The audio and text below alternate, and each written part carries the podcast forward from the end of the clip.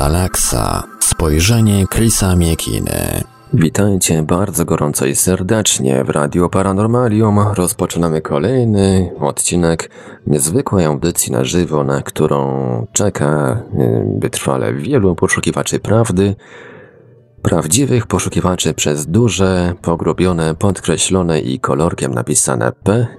Przy mikrofonie Marek Sękiewelios, a dzisiaj po drugiej stronie połączenia internetowego jest z nami oczywiście Nasz główny poszukiwacz prawdy, największy poszukiwacz wśród poszukiwaczy w Radio Paranormalium o godzinie 18, czyli Chris Mikina. Witaj Chrisie.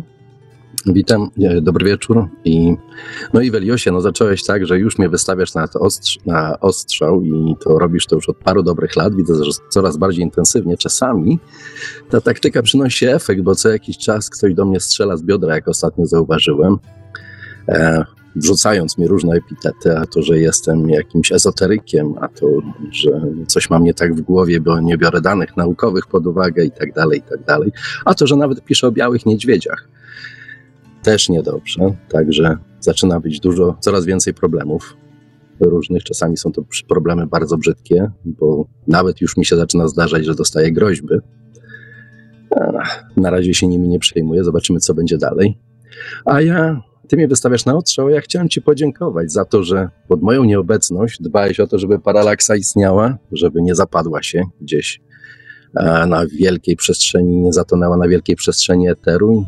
Dzięki no wielkie że byłoby Radio Paranormalium bez paralaksy. Ależ no, istniało bez i będzie istnieć bez. Ja jestem tylko jak ta kometa Haleja przelecę i pojawię się na jakiś czas i być może w którymś momencie trzeba będzie zniknąć ja sam nie do końca a, jestem w stanie opanować nad moim charakterem. Kiedy wpadam w smutek, nic mnie nie cieszy, nic mnie nie bawi.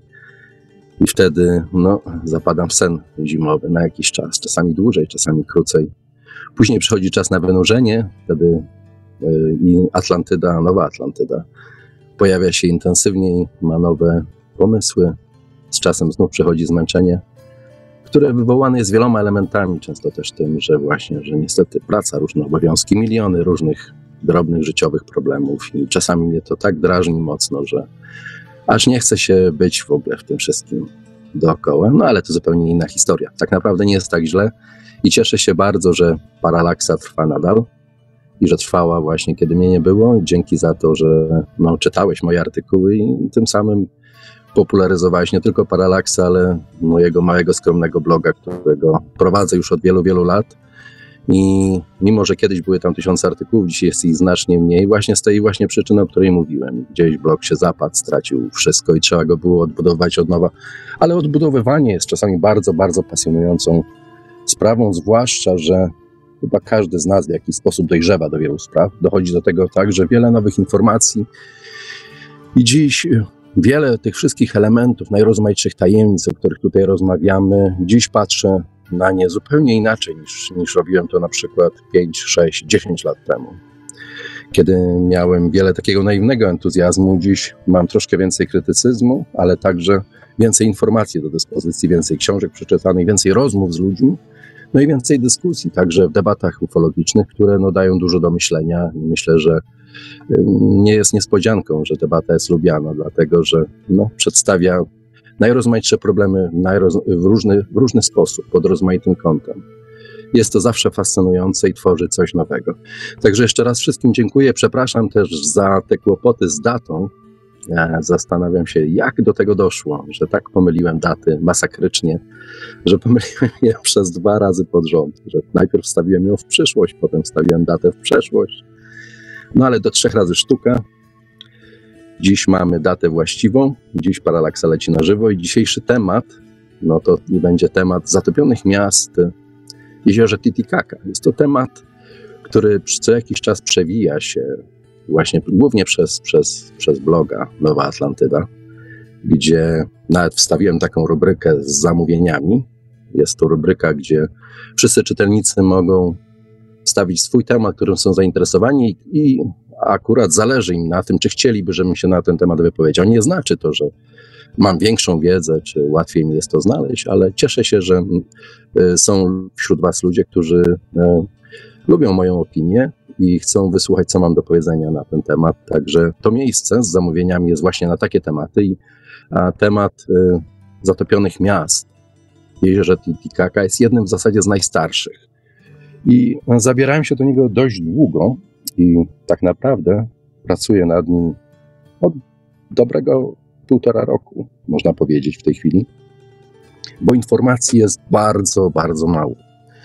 W zasadzie na, tak naprawdę zbierałem je po kropelce, po odrobince, żeby stworzyć jakąś jedną, e, w miarę logiczną całość tego, co jest związane z zatopionymi miastami w jeziorze Titicaca. Mówię w liczbie mnogiej, się wydaje już samo w sobie troszeczkę takie sensacyjne, że nie, nie chodzi tu wcale tylko o jedno miasto, że jest ich być może znacznie więcej.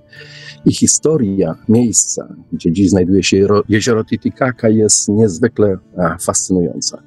E, historia tak geologiczna, jak i historia ludzi, którzy tam zamieszkiwali. Być może jest to właśnie część tego, czego szuka Graham Hancock, część tej zaginionej cywilizacji, która kiedyś była także w Ameryce Południowej, tworzyła coś i zniknęła na przestrzeni historii, głównie ze względu na to, co wydarzyło się z naszym klimatem, co wydarzyło się e, geologicznie Ziemi i ewentualnie ostatni element, który jest najbardziej niszczącym elementem całej na całej naszej planecie, to różne wydarzenia kosmiczne, które zsyłają na nas najróżniejsze nieszczęścia, takie jak meteoryty, komety i różne inne historie, łącznie z rozbłyskami słonecznymi i paroma innymi elementami, no, które te wszystkie starożytne cywilizacje bardzo źle zniosły, zniknęły z powierzchni naszej historii i dziś uważa się je za takie, nazywa się je przedpotopowymi, megalitycznymi, a prehistorycznymi dlatego, że właśnie w historii się nie zmieściły, że są po nich ślady, ale nie wiemy, jak do tego podejść. Nie wiemy nawet, jak stworzyć jakieś konkretne datowanie tego, co budowano wiele, wiele tysięcy lat temu. Także nie wiem, jak wiele tysięcy lat temu możemy patrzeć w przeszłość. Wiemy jednak, że ta przeszłość była, sięgała dużo dalej niż e, sięga to nasza obecna akademicka historia. I takie miejsce jak Gobekli Tepe, gdzie wreszcie mamy pełną datę, pełn, pełną liczbę, pełną, e, pełen zestaw danych naukowych, na których możemy się oprzeć, możemy z całą pewnością powiedzieć, że mówienie o historii ludzkiej, e, na przykład, która istniała 10-12 tysięcy lat temu, wcale nie jest żadnym szaleństwem, wcale nie jest jakąś fantazją że być może jeżeli w Gobekli, w Tepe zbudowano tak wyrafinowaną kulturę, mog, mogli ludzie budować coś takiego także i indziej. No ale wróćmy do zatopionych jezior, w jeziorze Titica, e, zatopionych miast jeziorze Titicaca. Ciągle jestem rozkojarzony. Będę się tutaj mocno podpierał moimi notatkami, dlatego że temat jest świeży. Być może audycja będzie krótsza niż godzinę. Zobaczymy, jak dużo to pójdzie. Do ostatniej chwili składałem te różne elementy w jedną całość, także wybaczcie mi proszę różne potknięcia, które wydarzą się po drodze.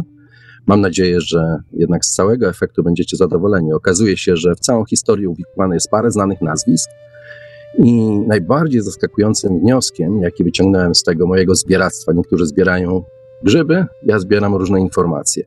Tych, te najbardziej zaskakujące informacje, jakie udało mi się zebrać i złożyć w jedną całość, to jest to, że w czasach, kiedy mamy internet, kiedy wydaje się, że przepływ informacji jest e, nie do powstrzymania, mnóstwo właśnie różnych historii, które wydarzyły się wokół jeziora Titicaca i to wydarzyły się w XX wieku, jakoś umknęło w uwadze umknęło uwadze masa zdjęć, a także filmy, podwodne filmy z tego, co znaleziono w wodach jeziora. Jest to zdumiewające i niezwykłe, że te rzeczy, które nie mają ani znaczenia militarnego, ani jakiegoś znaczenia w sensie y, y, odnalezienia nowych źródeł czy złóż minerałów, na których można zrobić majątek, udało się utrzymać w tajemnicy tak długo i tak naprawdę ciągle są w tajemnicy, utrzymywane w tajemnicy. I dziś spróbujemy rąbek tej tajemnicy troszeczkę odkryć i zobaczyć, co rzeczywiście kryje się w odmętach jeziora Titicaca. Nad jeziorem byłem 4 lata temu, po obu jego stronach, po stronie peruwiańskiej i boliwijskiej.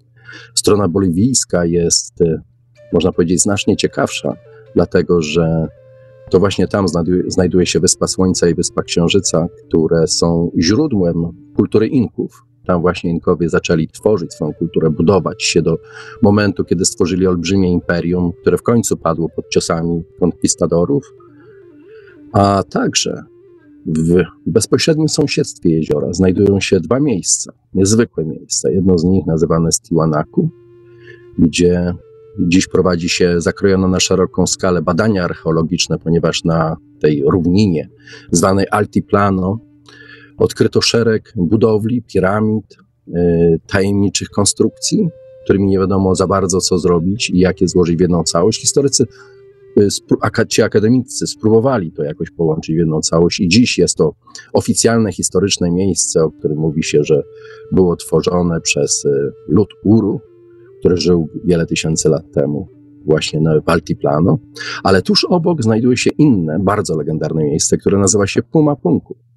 Wydaje się jednak, że oba miejsca są bezpośrednio połączone ze sobą. Oddzielenie Pumapunku od Tiwanaku wynika z tego, że właśnie na terenie, na, w tym miejscu, gdzie znajduje się Pumapunku, odnaleziono wszystkie te głazy, wszystkie te elementy budowlane, elementy konstrukcyjne, które wykonane są tak niezwykle precyzyjnie, że nie sposób wytłumaczyć je za pomocą logicznego myślenia i wskazania technologii, jaka została wykorzystana do tego, żeby stworzyć tego typu bloki budowlane. Dlatego Puma Punku, mimo że prowadzi się tam ciągle różne wykopaliska, jest na boku, nie jest przez akademików reklamowana, ale ciągle tam coś się dzieje. Każdego roku odkrywa się coś nowego i mimo, że większość e, tej całej budowli została potwornie zniszczona przez jakiś nieznany kataklizm, o którym zapewne dziś jeszcze będzie mowa, e, no to każdego roku wyłania się nowy element, który pokazuje, że mamy do czynienia z czymś absolutnie niezwykłym, i stoimy na progu olbrzymiego odkrycia.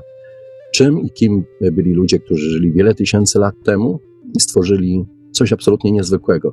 Coś, co być może e, w najlepszym, w najlepszej formie, niezakłóconej formie, ukrywa nadal przed nami jezioro Titicaca. Także lud Uru, który zamieszkiwał boliwijskie altiplano dłużej niż inni jego mieszkańcy, Utrzymuje tradycję, że w głębinach jeziora Titicaca zatopione są ruiny Złotego Miasta. Przez lata historia ta była odrzucana jako romantyczna legenda lub fantazje różnych niedouczonych ludzi. Tymczasem tradycja Uru jest traktowana jako typowy przykład utraconej wielkiej cywilizacji, której odkrycie przekracza naszej możliwości. Ma ona wręcz uniwersalne znaczenie, gdy porównać ją do podobnych historii z wielu kultur na całym świecie czego na przykład w naszej kulturze symbolem jest y, oczywiście Atlantyda Platona. Czy historia ta może mieć jednak w sobie ziarno prawdy? Czy rzeczywiście na dnie tego świętego andyjskiego jeziora mogą znajdować się ruiny murów wyłożonych złotem? Takie twierdzenie wydaje się być zwykłym marzycielstwem, jednak nie można zignorować interesujących poszlak, które rzucają światło w ciemne wody prehistorycznego jeziora Titicaca. Ślady te nie są do końca oczywiste i często ukryte są w zawiłościach legend i ludowych opowieści utkanych w andyjską tradycję. Mimo to są wyraźne. Wyłożone złotem świątynie i pałace są nie tylko przedmiotem legend. E, kronikarz e, z czasów Inków i z czasów konkwistadorów, pół Inka, pół Hiszpan Garcilaso de la Vega pisał, że tuż przed przybyciem Hiszpanów do Cusco Wielka świątynia słońca Coricancha posiadała krużganki, których ściany były wyłożone złotem. W wielu fragmentach swoich pism Garcilaso pisał, że świątynia słońca na Wyspie Słońca rywalizuje z Coricanchą splendorem i ilością złotych i srebrnych ornamentów. Jego odniesienie do Wyspy Słońca zabiera nas nad jezioro Titicaca, tam gdzie powstała właśnie legenda ludu Uru.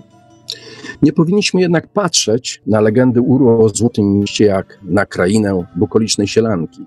Ludzie ci prowadzili swój skromny żywot na bardzo niegościnnym altiplano przez tysiące lat i mogli tego dokonać tylko poprzez uważną obserwację natury. Francuska badaczka Simone Weisbart e, spędziła wiele lat zbierając informacje na temat jeziora Titicaca. Wspomina ona opowieść jednego z rybaków Uru, który miał zobaczyć całe miasto wystające z wód jeziora podczas wielkiej suszy, która sprawiła, że poziom wody spadł aż o 4 metry. Rybak nie miał wątpliwości, że miasto należało do kogoś zwanego w legendach, oczywiście, wielkim Zapanu. Zapana miał odebrać wyspy na jeziorze władcy znanemu jako Maliku de Chikulto. Opowieść tą potwierdza kronikarz, e, inny kronikarz hiszpański Pedro Cieza de León, który pisał, że krajowcy opowiedzieli mu o władcy zwanym Zapana, mającym pod swoim panowaniem wiele miast zalanych obecnie przez wody jeziora. Kiedy, kiedy jeden z pionierów współczesnej archeologii, Amerykanin Ephraim George Squire, odwiedził północną część jeziora Titicaca w 1877 roku, odnalazł jakieś ruiny w płytkich wodach nieopodal y, półwyspu Silustani. Z trudem rozpoznał kamienną budowlę porośniętą gęstą trzciną i innymi wodnymi roślinami. Dostrzegł on jednak kształt murów lub tamy biegnący z jednej części półwyspu do drugiej. Squire doszedł do wniosku, że konstrukcja musiała kiedyś wystawać nad poziom wody, jednak trzęsienie ziemi spowodowało obsunięcie się tej części lądu. Co ciekawe, jego rozumowanie pokrywało się z lokalną tradycją, która opowiada o władcach z Hatun Kolla, którzy opuścili swój pałac po tym, jak został on zalany wodą po wielkim trzęsieniu ziemi. Lokalni rybacy z plemienia Aymara opowiadają, że ruiny te są dobrze widoczne, gdy wody jeziora osiągają swój najniższy poziom. Opowieści o zagubionych miastach, świątyniach i innych megalitycznych budowlach nie ograniczają się tylko do porośniętych trzciną wybrzeży jeziora Titicaca. W 1930 roku sam komendant peruwiańskiej marynarki wojennej Antonio Rodriguez Rawicz zanotował istnienie podwodnych, megalitycznych ruin niedaleko wyspy Kispinike w północnej części jeziora. Odkrycie to potwierdził akademik dr Espinoza Sorano, który w przezroczystych wodach jeziora miał widzieć na własne oczy świątynię Słońca i Księżyca zbudowane z monolitycznych głazów, co uznał za osiągnięcie przedinkaskich architektów należących do zaginionej cywilizacji. Jednak pogłoski o złocie sprawiły, że na początku XX wieku nad jezioro zaczęły przybywać zagraniczne grupy badawcze w poszukiwaniu skarbów i zatopionego miasta. Jedną z legend, która wzbudziła najwięcej emocji, była ta o potężnym złotym, przypominającym węża łańcuchu na dnie jeziora. Te historie były przyczyną zorganizowania wyprawy prowadzonej przez amerykańskiego zawodowego e, płetwonurka Williama Mardoffa. Wyprawa ta miała miejsce w 1956 roku. Mardow nie był pierwszym, który musiał zmierzyć się z unikalnym wyzwaniem, jakie niesie ze sobą nurkowanie w jeziorze Titicaca. W latach 30. nurkowały tam wcześniej wyprawy hiszpańskie i, i brytyjskie, które jednak nie odnalazły skarbów. Jezioro Titicaca nie jest idealnym miejscem do nurkowania i tworzy wiele poważnych problemów dla płetwonurków, no i dla słabszych fizycznie kobiet, które próbują zapędzać się w wody jeziora. Płetwonurek, zanim rozpocznie swoją podwodną eksplorację, musi sprostać niewielkiej ilości tlenu, jaka znajduje się w powietrzu nad jeziorem, co sprawia, że nawet niewielki wysiłek fizyczny jest wyczerpujący. Do tego dochodzi ostry, mroźny wiatr, pojawiający się nagle i w ułamku sekundy wywołujący nieregularne, dzikie i lodowate fale. Takie szkwały zazwyczaj niosą ze sobą gwałtowne opady deszczu, a nawet gradu. Będąc już pod wodą, płetwonurek musi sprostać ekstremalnie zimnej wodzie dostarczanej do jeziora przez górskie strumienie i rzeki wypływające z okolicznych gór zwanych tu Cordillera. Na tej ogromnej wysokości światło słoneczne penetruje dużą głębokość jeziora, co stymuluje bujnie rozwijające się, rozwijającą się tu roślinność, w szczególności trzciny zwane tortora i algi. Wodna roślinność pokrywa sobą każdą powierzchnię, do której może się zaczepić, włączając to oczywiście archeologiczne pozostałości. Na koniec trzeba sprostać pokrywającemu wszystko mułowi, który miejscami osiąga grubość 40 metrów i pokrywa w całości dno jeziora. W tak ekstremalnych warunkach nikogo nie zdziwiło to, że Mardow nie odnalazł ogromnego złotego łańcucha, ani nawet skromnej figurki składanej w ofierze bóstwom. Po mniej więcej 25 sesjach nurkowania Mardow zrezygnował. Jedyne, co było efektem jego wysiłku, to kilka ceramicznych odłamków naczyń. Niektórzy uważają, że jego brak szczęścia jest wynikiem braku respektu dla bóstw jeziora i temu, że nie złożył im ofiary przed pierwszym nurkowaniem. Mardow musiał czekać aż dwa tygodnie, zanim udało mu się przekonać jednego z lokalnych rybaków, aby pomógł mu w jego ekspedycji. Nurkując w pojedynkę, powinien być wdzięczny za wszelkie informacje, które mogłyby pomóc jego wyprawie. Zanim opuścił Boliwię, Mardow wziął udział w obiedzie wydanym na jego cześć w La Paz. Nie wiadomo, czy na skutek wypitego na bankiecie alkoholu, czy też nie, Mardow nieoczekiwanie wygłosił mowę na temat kamiennego miasta, jakie napotkał podczas jednego ze swoich nurkowań. Powiedział, że znajduje się ono na głębokości około 30 metrów na dnie jeziora, niedaleko ujścia rzeki Escona. Było to niedaleko niewielkiej wysepki, którą lokalni mieszkańcy uważali za nawiedzoną. Mardow opowiadał o zrujnowanym mieście, o jego pokrytych mułem murach i algach przepływających przez otwory okienne. Niektórzy goście przy stoliku, zwłaszcza ci, którzy znali lokalne tradycje i legendy, wyrażali nieśmiałe wątpliwości, uznając, że Mardow opowiada znaną legendę o zaginionym mieście Ciopata. Miasto było opisane w lokalnych kronikach i rzeczywiście miało się znajdować w pobliżu miejsca, gdzie nurkował Amerykanin. Niezależnie od tego, czy opowieść Mardofa była prawdziwa, czy nie, wiara w istnienie podwodnych ruin miasta zatopionego w jeziorze Titicaca stała się coraz bardziej popularna wśród Boliwijczyków, mimo że nie znaleziono tak naprawdę niczego, co potwierdzałoby istnienie takiej inżynieryjnej struktury. Dekadę później inna ekspedycja podwodna ogłosiła, że widziała na dnie jeziora pozostałości budynków niedaleko wyspy Similacque.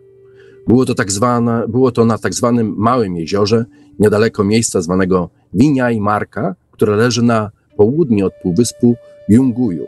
Sukces tych pierwszych podwodnych eksploracji był utrudniony przez bardzo ambiwalentne, oględnie mówiąc, podejście do wypraw ludu Aymara, który zamieszkuje te tereny. Indianie byli wstrzemięźliwi w pomocy płetwonurkom w obawie narażania się duchom jeziora. Jednocześnie rybacy Aymara posiadali doskonałą wiedzę na temat jeziora, a zwłaszcza zatopionych w nim, w nim ruin, które od czasu do czasu wynurzały się na powierzchnię wody. Dla nich miejsca te były nie tylko zbiorem kamiennych budowli, ale zamieszkiwały je dziwaczne bóstwa pływające wśród zatopionych megalitycznych ruin. Ich opowieści i historie zazwyczaj jednak były odrzucane przez podwodnych odkrywców.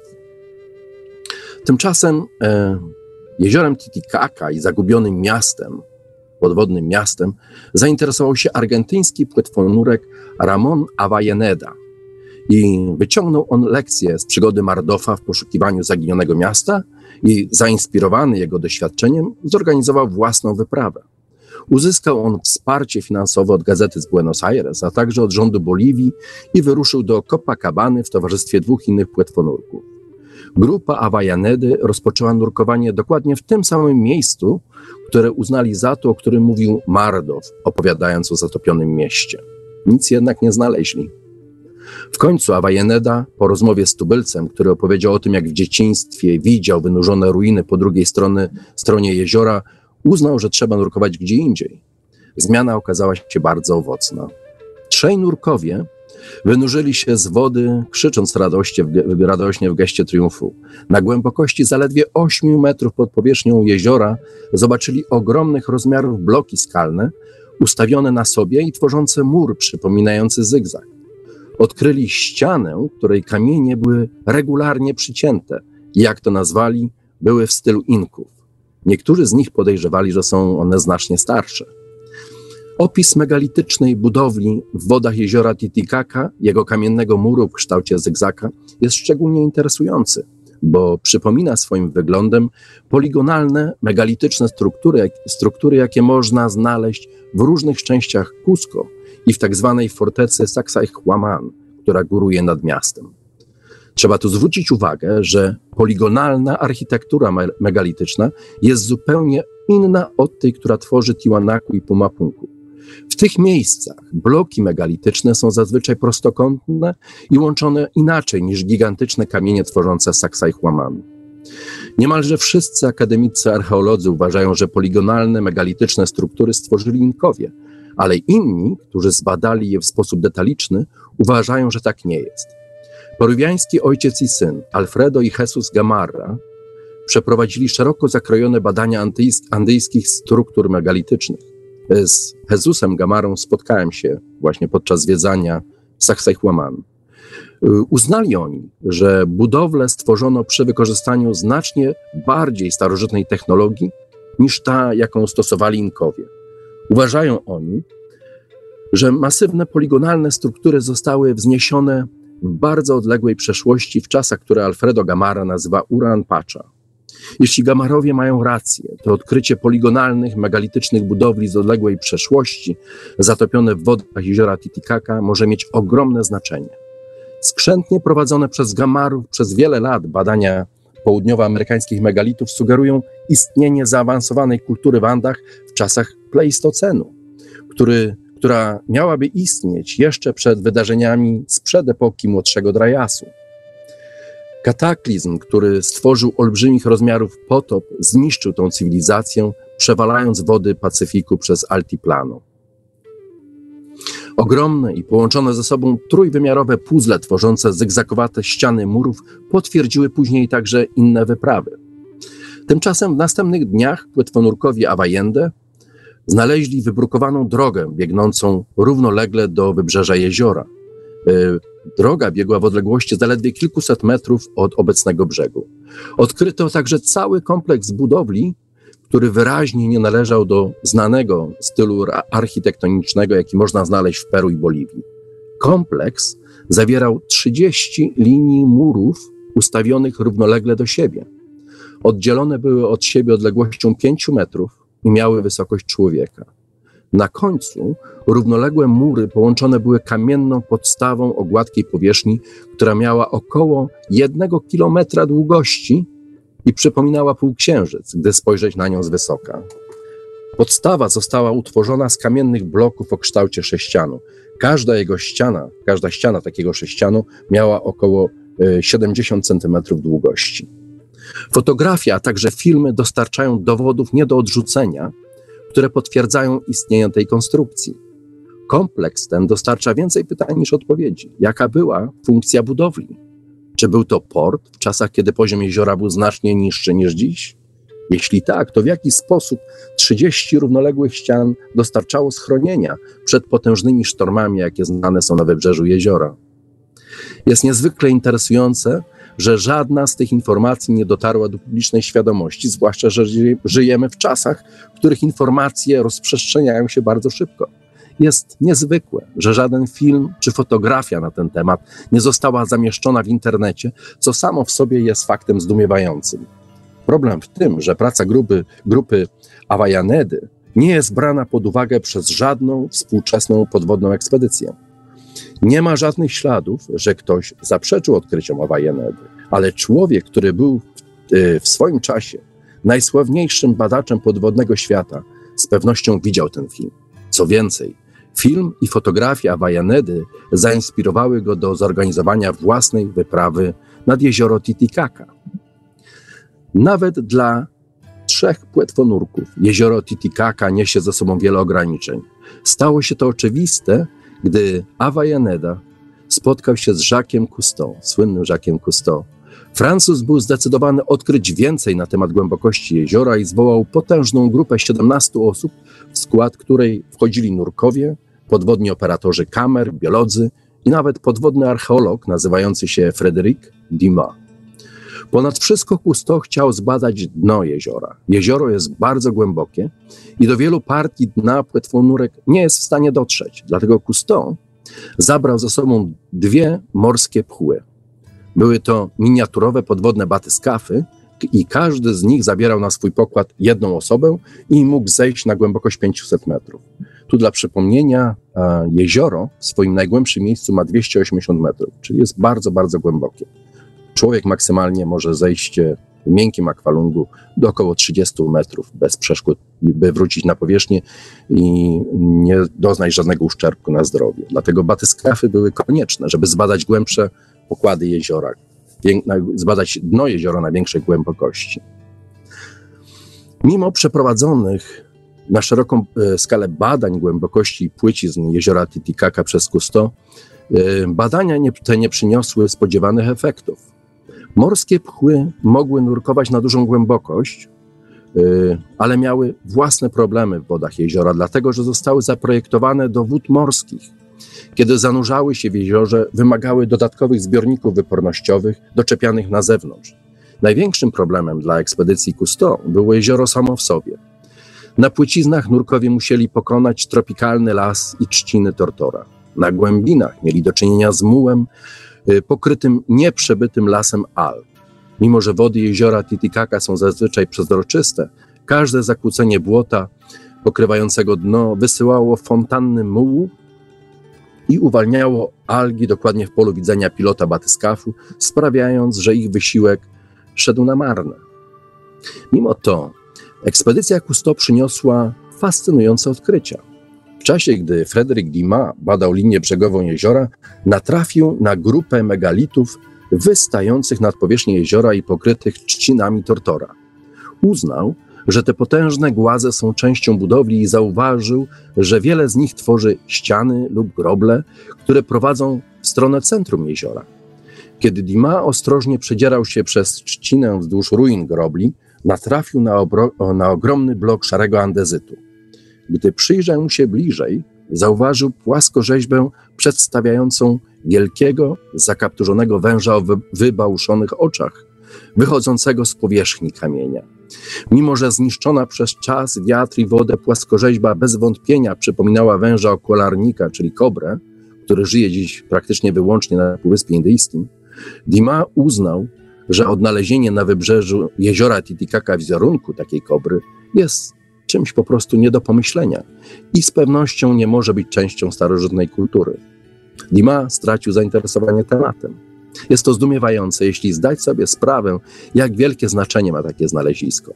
Kobra nie tylko nie żyje w Ameryce Południowej, ale warunki w Altiplano byłyby dla niej w dzisiejszych czasach niezmiernie trudne.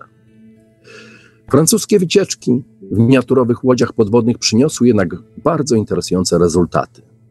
Na południowym końcu jeziora Titicaca, Winia i Marka znaleziono więcej połączonych ze sobą megalitów. Cousteau dokonał nawet formalnego porównania do poligonalnej architektury z Saksa. Y, podobnie w regionie Ore, także Winia i Marka, grupa Cousteau odkryła wielkie ruiny doskonale połączonych ze sobą głazów. Struktura ta wyglądała na fundamenty jakiegoś budynku, prawdopodobnie świątyni. Tak uważał przynajmniej archeolog Dima. Wszystko, co znajduje się, jest niewytłumaczone, a archeolodzy najczęściej nazywają świątynią. Znaleziska te, mimo że prawdopodobnie nie do końca zrozumiane w czasach ekspedycji Kusto, mogą mieć ogromne znaczenie, jeśli chodzi o wiek ruin stworzonych z poligonalnych kamieni. Linia marka jest znacznie płytsza niż główna część jeziora Titicaca, co oznacza, że w czasie ekstremalnej suszy czasami kompletnie wysycha. Ostatnie badania zmian klimatycznych podjęte przez y, boliwijskiego badacza środowiska naturalnego Edwina Conde Villarreal, w czasie których przestudiował wiele pomiarów andyjskiego paleoklimatu, doprowadziły go do niezwykle interesujących wniosków. Odkrył on, że pomiędzy 10500 a 8000 rokiem przed naszą erą, w czasach e, mniej więcej równoległych do młodszego Driasu, Winia i Marka nie było wcale jeziorem. Czyżby megalityczne konstrukcje odkryte przez Cousteau stworzono podczas ostatniego wielkiego zamarzania epoki lodowcowej, kiedy małe jezioro było suche? Cousteau był niezmiernie sfrustrowany technicznymi ograniczeniami swojego sprzętu zaprojektowanego w latach 60. Ale kolejne podwodne ekspedycje prowadzone przez boliwijskiego archeologa, pisarza i filmowca Hugo Boero Rojo w 1979, 1979 roku nie miały już tych ograniczeń. Boliwijczyk sfilmował swoje podwodne badania i stworzył z nich film dokumentalny pod tytułem Lago Sagrado, czyli Święte Jezioro. Boero Rojo odkrył wiele cyklopicznych w swoich rozmiarach murów, które w większości umknęły uwadze Kustow centralnej części jeziora. Artykuł z gazety wydanej w La Paz 4 grudnia 1980 roku, który zapowiadał emisję tego filmu, tak opisał znaczenie tego odkrycia, odkrycia i tutaj zacytuję. Znaleziono monumentalne kamienne bloki, które wyglądają na w połowie zawalone ściany świątyń, brukowane drogi, które giną w głębokich grotach i szlaki penetrujące głębiny jeziora. Koniec cytatu. Jeśli ten opis jest precyzyjny, to nie była to tylko jedna odizolowana świątynia, ale rozległy, zatopiony kompleks architektoniczny. Jest ogromnie zastanawiające, że rezultaty podwodnych badań Boero Rojo nie są dziś szeroko znane i dyskutowane. Po raz kolejny w czasach internetu można oczekiwać, że jego film byłby łatwo dostępny, ale z jakichś powodów nie jest. W Boliwii jedna osoba decyduje o tym, jak się postrzega prekolumbijską przeszłość. Jest to Carlos Ponce Sanguines. Jego pozycja jest porównywalna do tej, z jaką z czasów Mubaraka pełnił w Egipcie Zahi Hałas. Sanguines jest w większości odpowiedzialny za to, jak dziś postrzega się starożytne boliwijskie Andy. Na przykład dzisiejsze stanowisko archeologiczne w Tiwanaku jest w większości osobistym tworem Ponce Sanguinesa. We wczesnych latach swojej kariery jedną z jego pasji była podwodna archeologia. Jego badania wokół jeziora Titicaca skupiały się w większości wokół trzcinowiska przy wyspie Koa, gdzie przeprowadzał serię ekspedycji w latach 75-91. Przez cały czas był on gorącym zwolennikiem datowania megalitów za pomocą metody radiowęglowej. Wraz z początkiem nowego milenium podwodne ekspedycje do jeziora Titicaca przyjęły interesujący, jeśli niekontrowersyjny obrót. Ekspedycja naukowa nazwana Atahualpa 2000 nurkowała w jeziorze Titicaca w okolicach Wyspy Słońca. Grupa odnalazła pod wodą rolnicze tarasy, ścianę oporową, szlak o długości 700 metrów, przy którego boku stało prawdopodobnie jakieś centrum ceremonialne. Wszystko to na głębokości 50 metrów. Jeden z członków grupy, podwodny archeolog, kobieta, Brazylijka o imieniu dr Soraya Ayub, uznała, że poziom jeziora musiał być znacznie niższy w starożytności. I rzeczywiście rezultaty były zachęcające na tyle, że rozpoczęto planowanie następnej ekspedycji z wykorzystaniem robotów, które pozwoliłyby zbadać dno na głębokości 250 metrów. Boliwijski archeolog dołączony do grupy Atahualpa 2000 Eduardo Pareja, który już wcześniej badał rafę niedaleko wyspy Koła razem z Ponce Sanguinesem, podkreślił w mediach, że ruiny znalezione przez ekspedycję ocenia się na 2000 rok przed naszą erą, w swojej najwcześniejszej fazie. Carlos Ponce Sanguines w bardzo ostrych słowach skrytykował znaleziska Atahualpa 2000. Mimo, że nie był geologiem, wyraził opinię, że wokół Wyspy Słońca znajduje się wiele kamieni posiadających kąt prosty, które powstały w sposób naturalny. Powiedział prasie, że kamienie te mogą być z łatwością pomylone z częścią murów i że one same z pewnością nie są ani murem, ani częścią innej konstrukcji. Nawoływał do bardziej naukowego podejścia w badaniach. Inni, jak andyjski historyk Teresa Quisbert, uznała znalezisko za ogromnie ważne i potwierdzające pracę Boero Rojo. W roku 2002 organizacja, która była siłą napędową Atahualpa 2000, Core Geographical Exploring, zorganizowała następną wyprawę w celu zbadania dna jeziora pod nazwą Titicaca 2002. Ekspedycja odnalazła wiele obrobionych kamieni ustawionych jeden na drugim. Według opublikowanego wówczas rapopo, e, raportu, który, który ukazał się w BBC, jeden z członków ekspedycji, Gustavo Villavicencio, zanegował istnienie zatopionej cytadeli, o której mówiły lokalne legendy. Wydaje się to dziwne, ale artykuł z BBC nie wyjaśnił, w jaki sposób Villavicencio zbudował taką opinię. Odkrycie ułożonych na sobie głazów nie powstrzymało jednak artykułów prasowych na temat zatopionego miasta. Kiedy Akakor Geographical Exploring rozpoczął swoją trzecią ekspedycję w 2004 roku, w wielu artykułach z tego czasu spekulowano na temat odnalezienia zatopionego miasta zwanego Huanaco. Ekspedycja Akakor 2004 była przedsięwzięciem, które otrzymało wsparcie boliwijskiej marynarki wojennej, a także Boliwijskiego Narodowego Instytutu Archeologicznego. Według raportu prasowego z 2004 roku, za pomocą podwodnych robotów sfotografowano interesujące obiekty na głębokości 80 metrów. Roboty nie tylko wytrzymywały ciśnienie, ale także niską temperaturę wody. Roboty były znacznie mniejsze niż morskie pły, pły Cousteau i nie tylko nie tak łatwo mąciły wodę na pokrytym młem dnie jeziora, ale były łatwiejsze w manewrowaniu. Jedno bardzo interesujące znalezisko wywołało wiele prasowych emocji. Była to zatopiona wyspa zwana La Isla Villa Cota, którą prasa określiła jako Morze Krwi. Miało to być miejsce, gdzie dokonywano wielu ofiar z ludzi. Nie wyjaśniono jednak, w jaki sposób członkowie ekspedycji doszli do takiego wniosku, zwłaszcza, że nie podano informacji o odnalezieniu ludzkich szczątków. Robot sfilmował także dużych rozmiarów złotą statuę. Była ona niezwykle duża i ciężka, dlatego pozostała tam, gdzie ją odkryto, a miejsce znaleziska okryto tajemnicą. Informacja o tym, że nie wydobyto posągu, jest bardzo interesująca. Trzeba pamiętać, że boliwijska marynarka wojenna była partnerem projektu i musiała posiadać ciężki dźwig potrzebny do wydobycia posągu.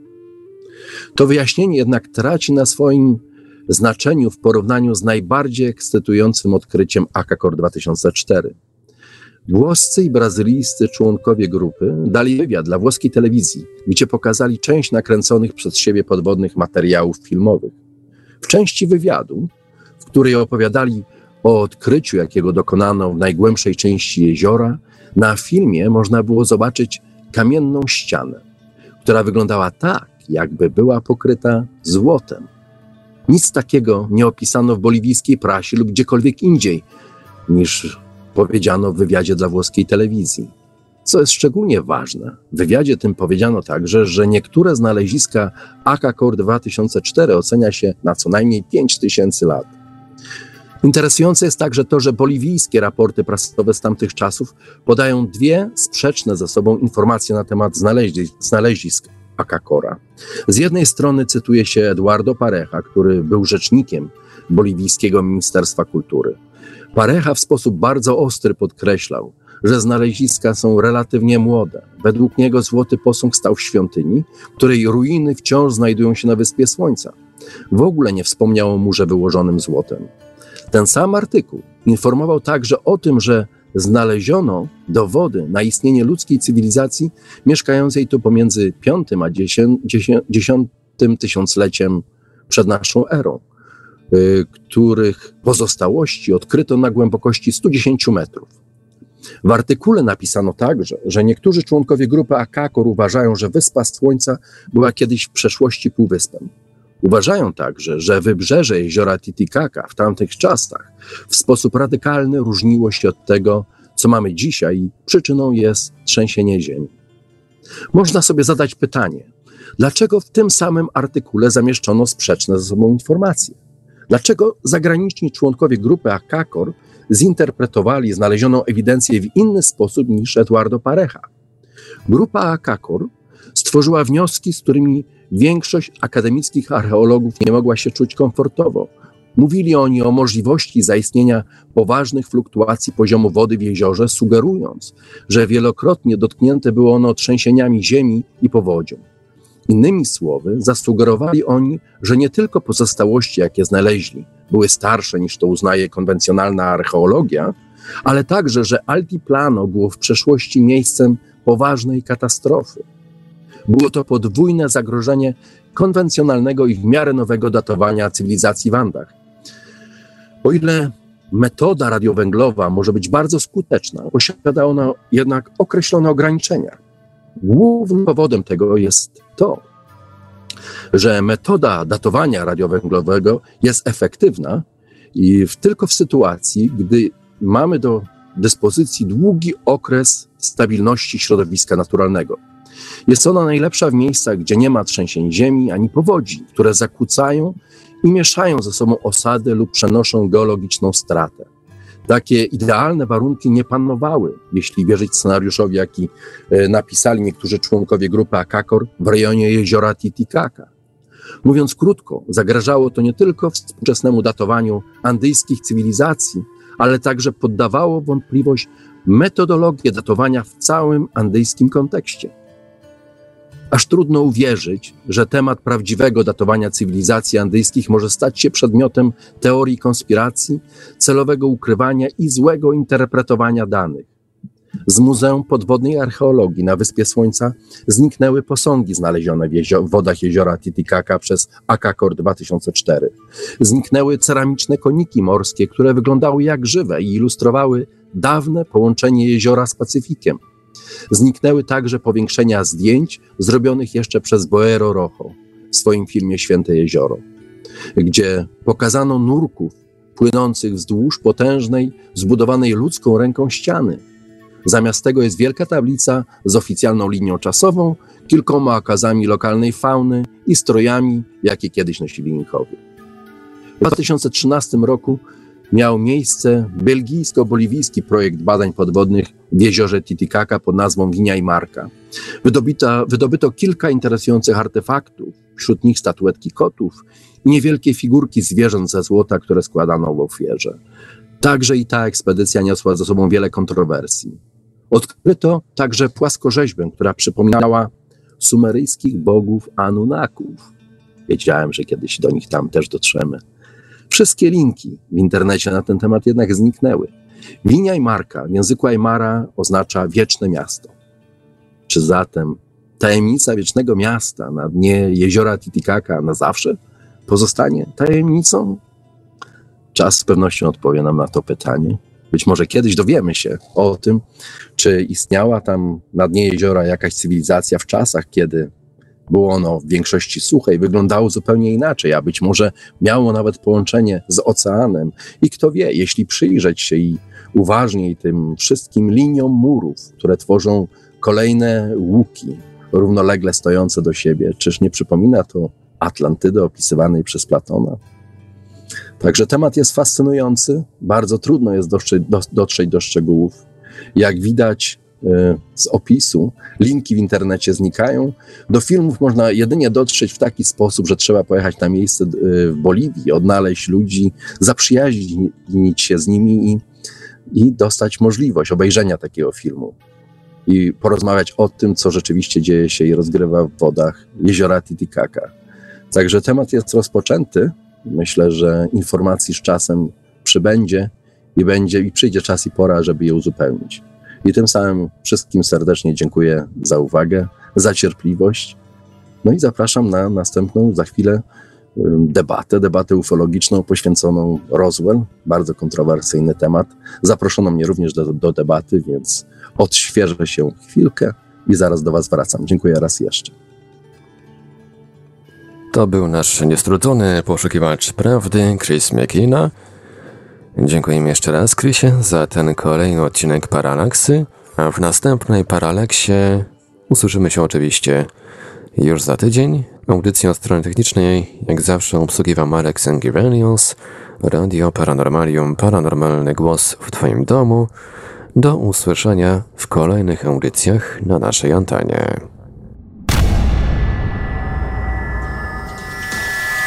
Produkcja i realizacja Radio Paranormalium. Www.paranormalium.pl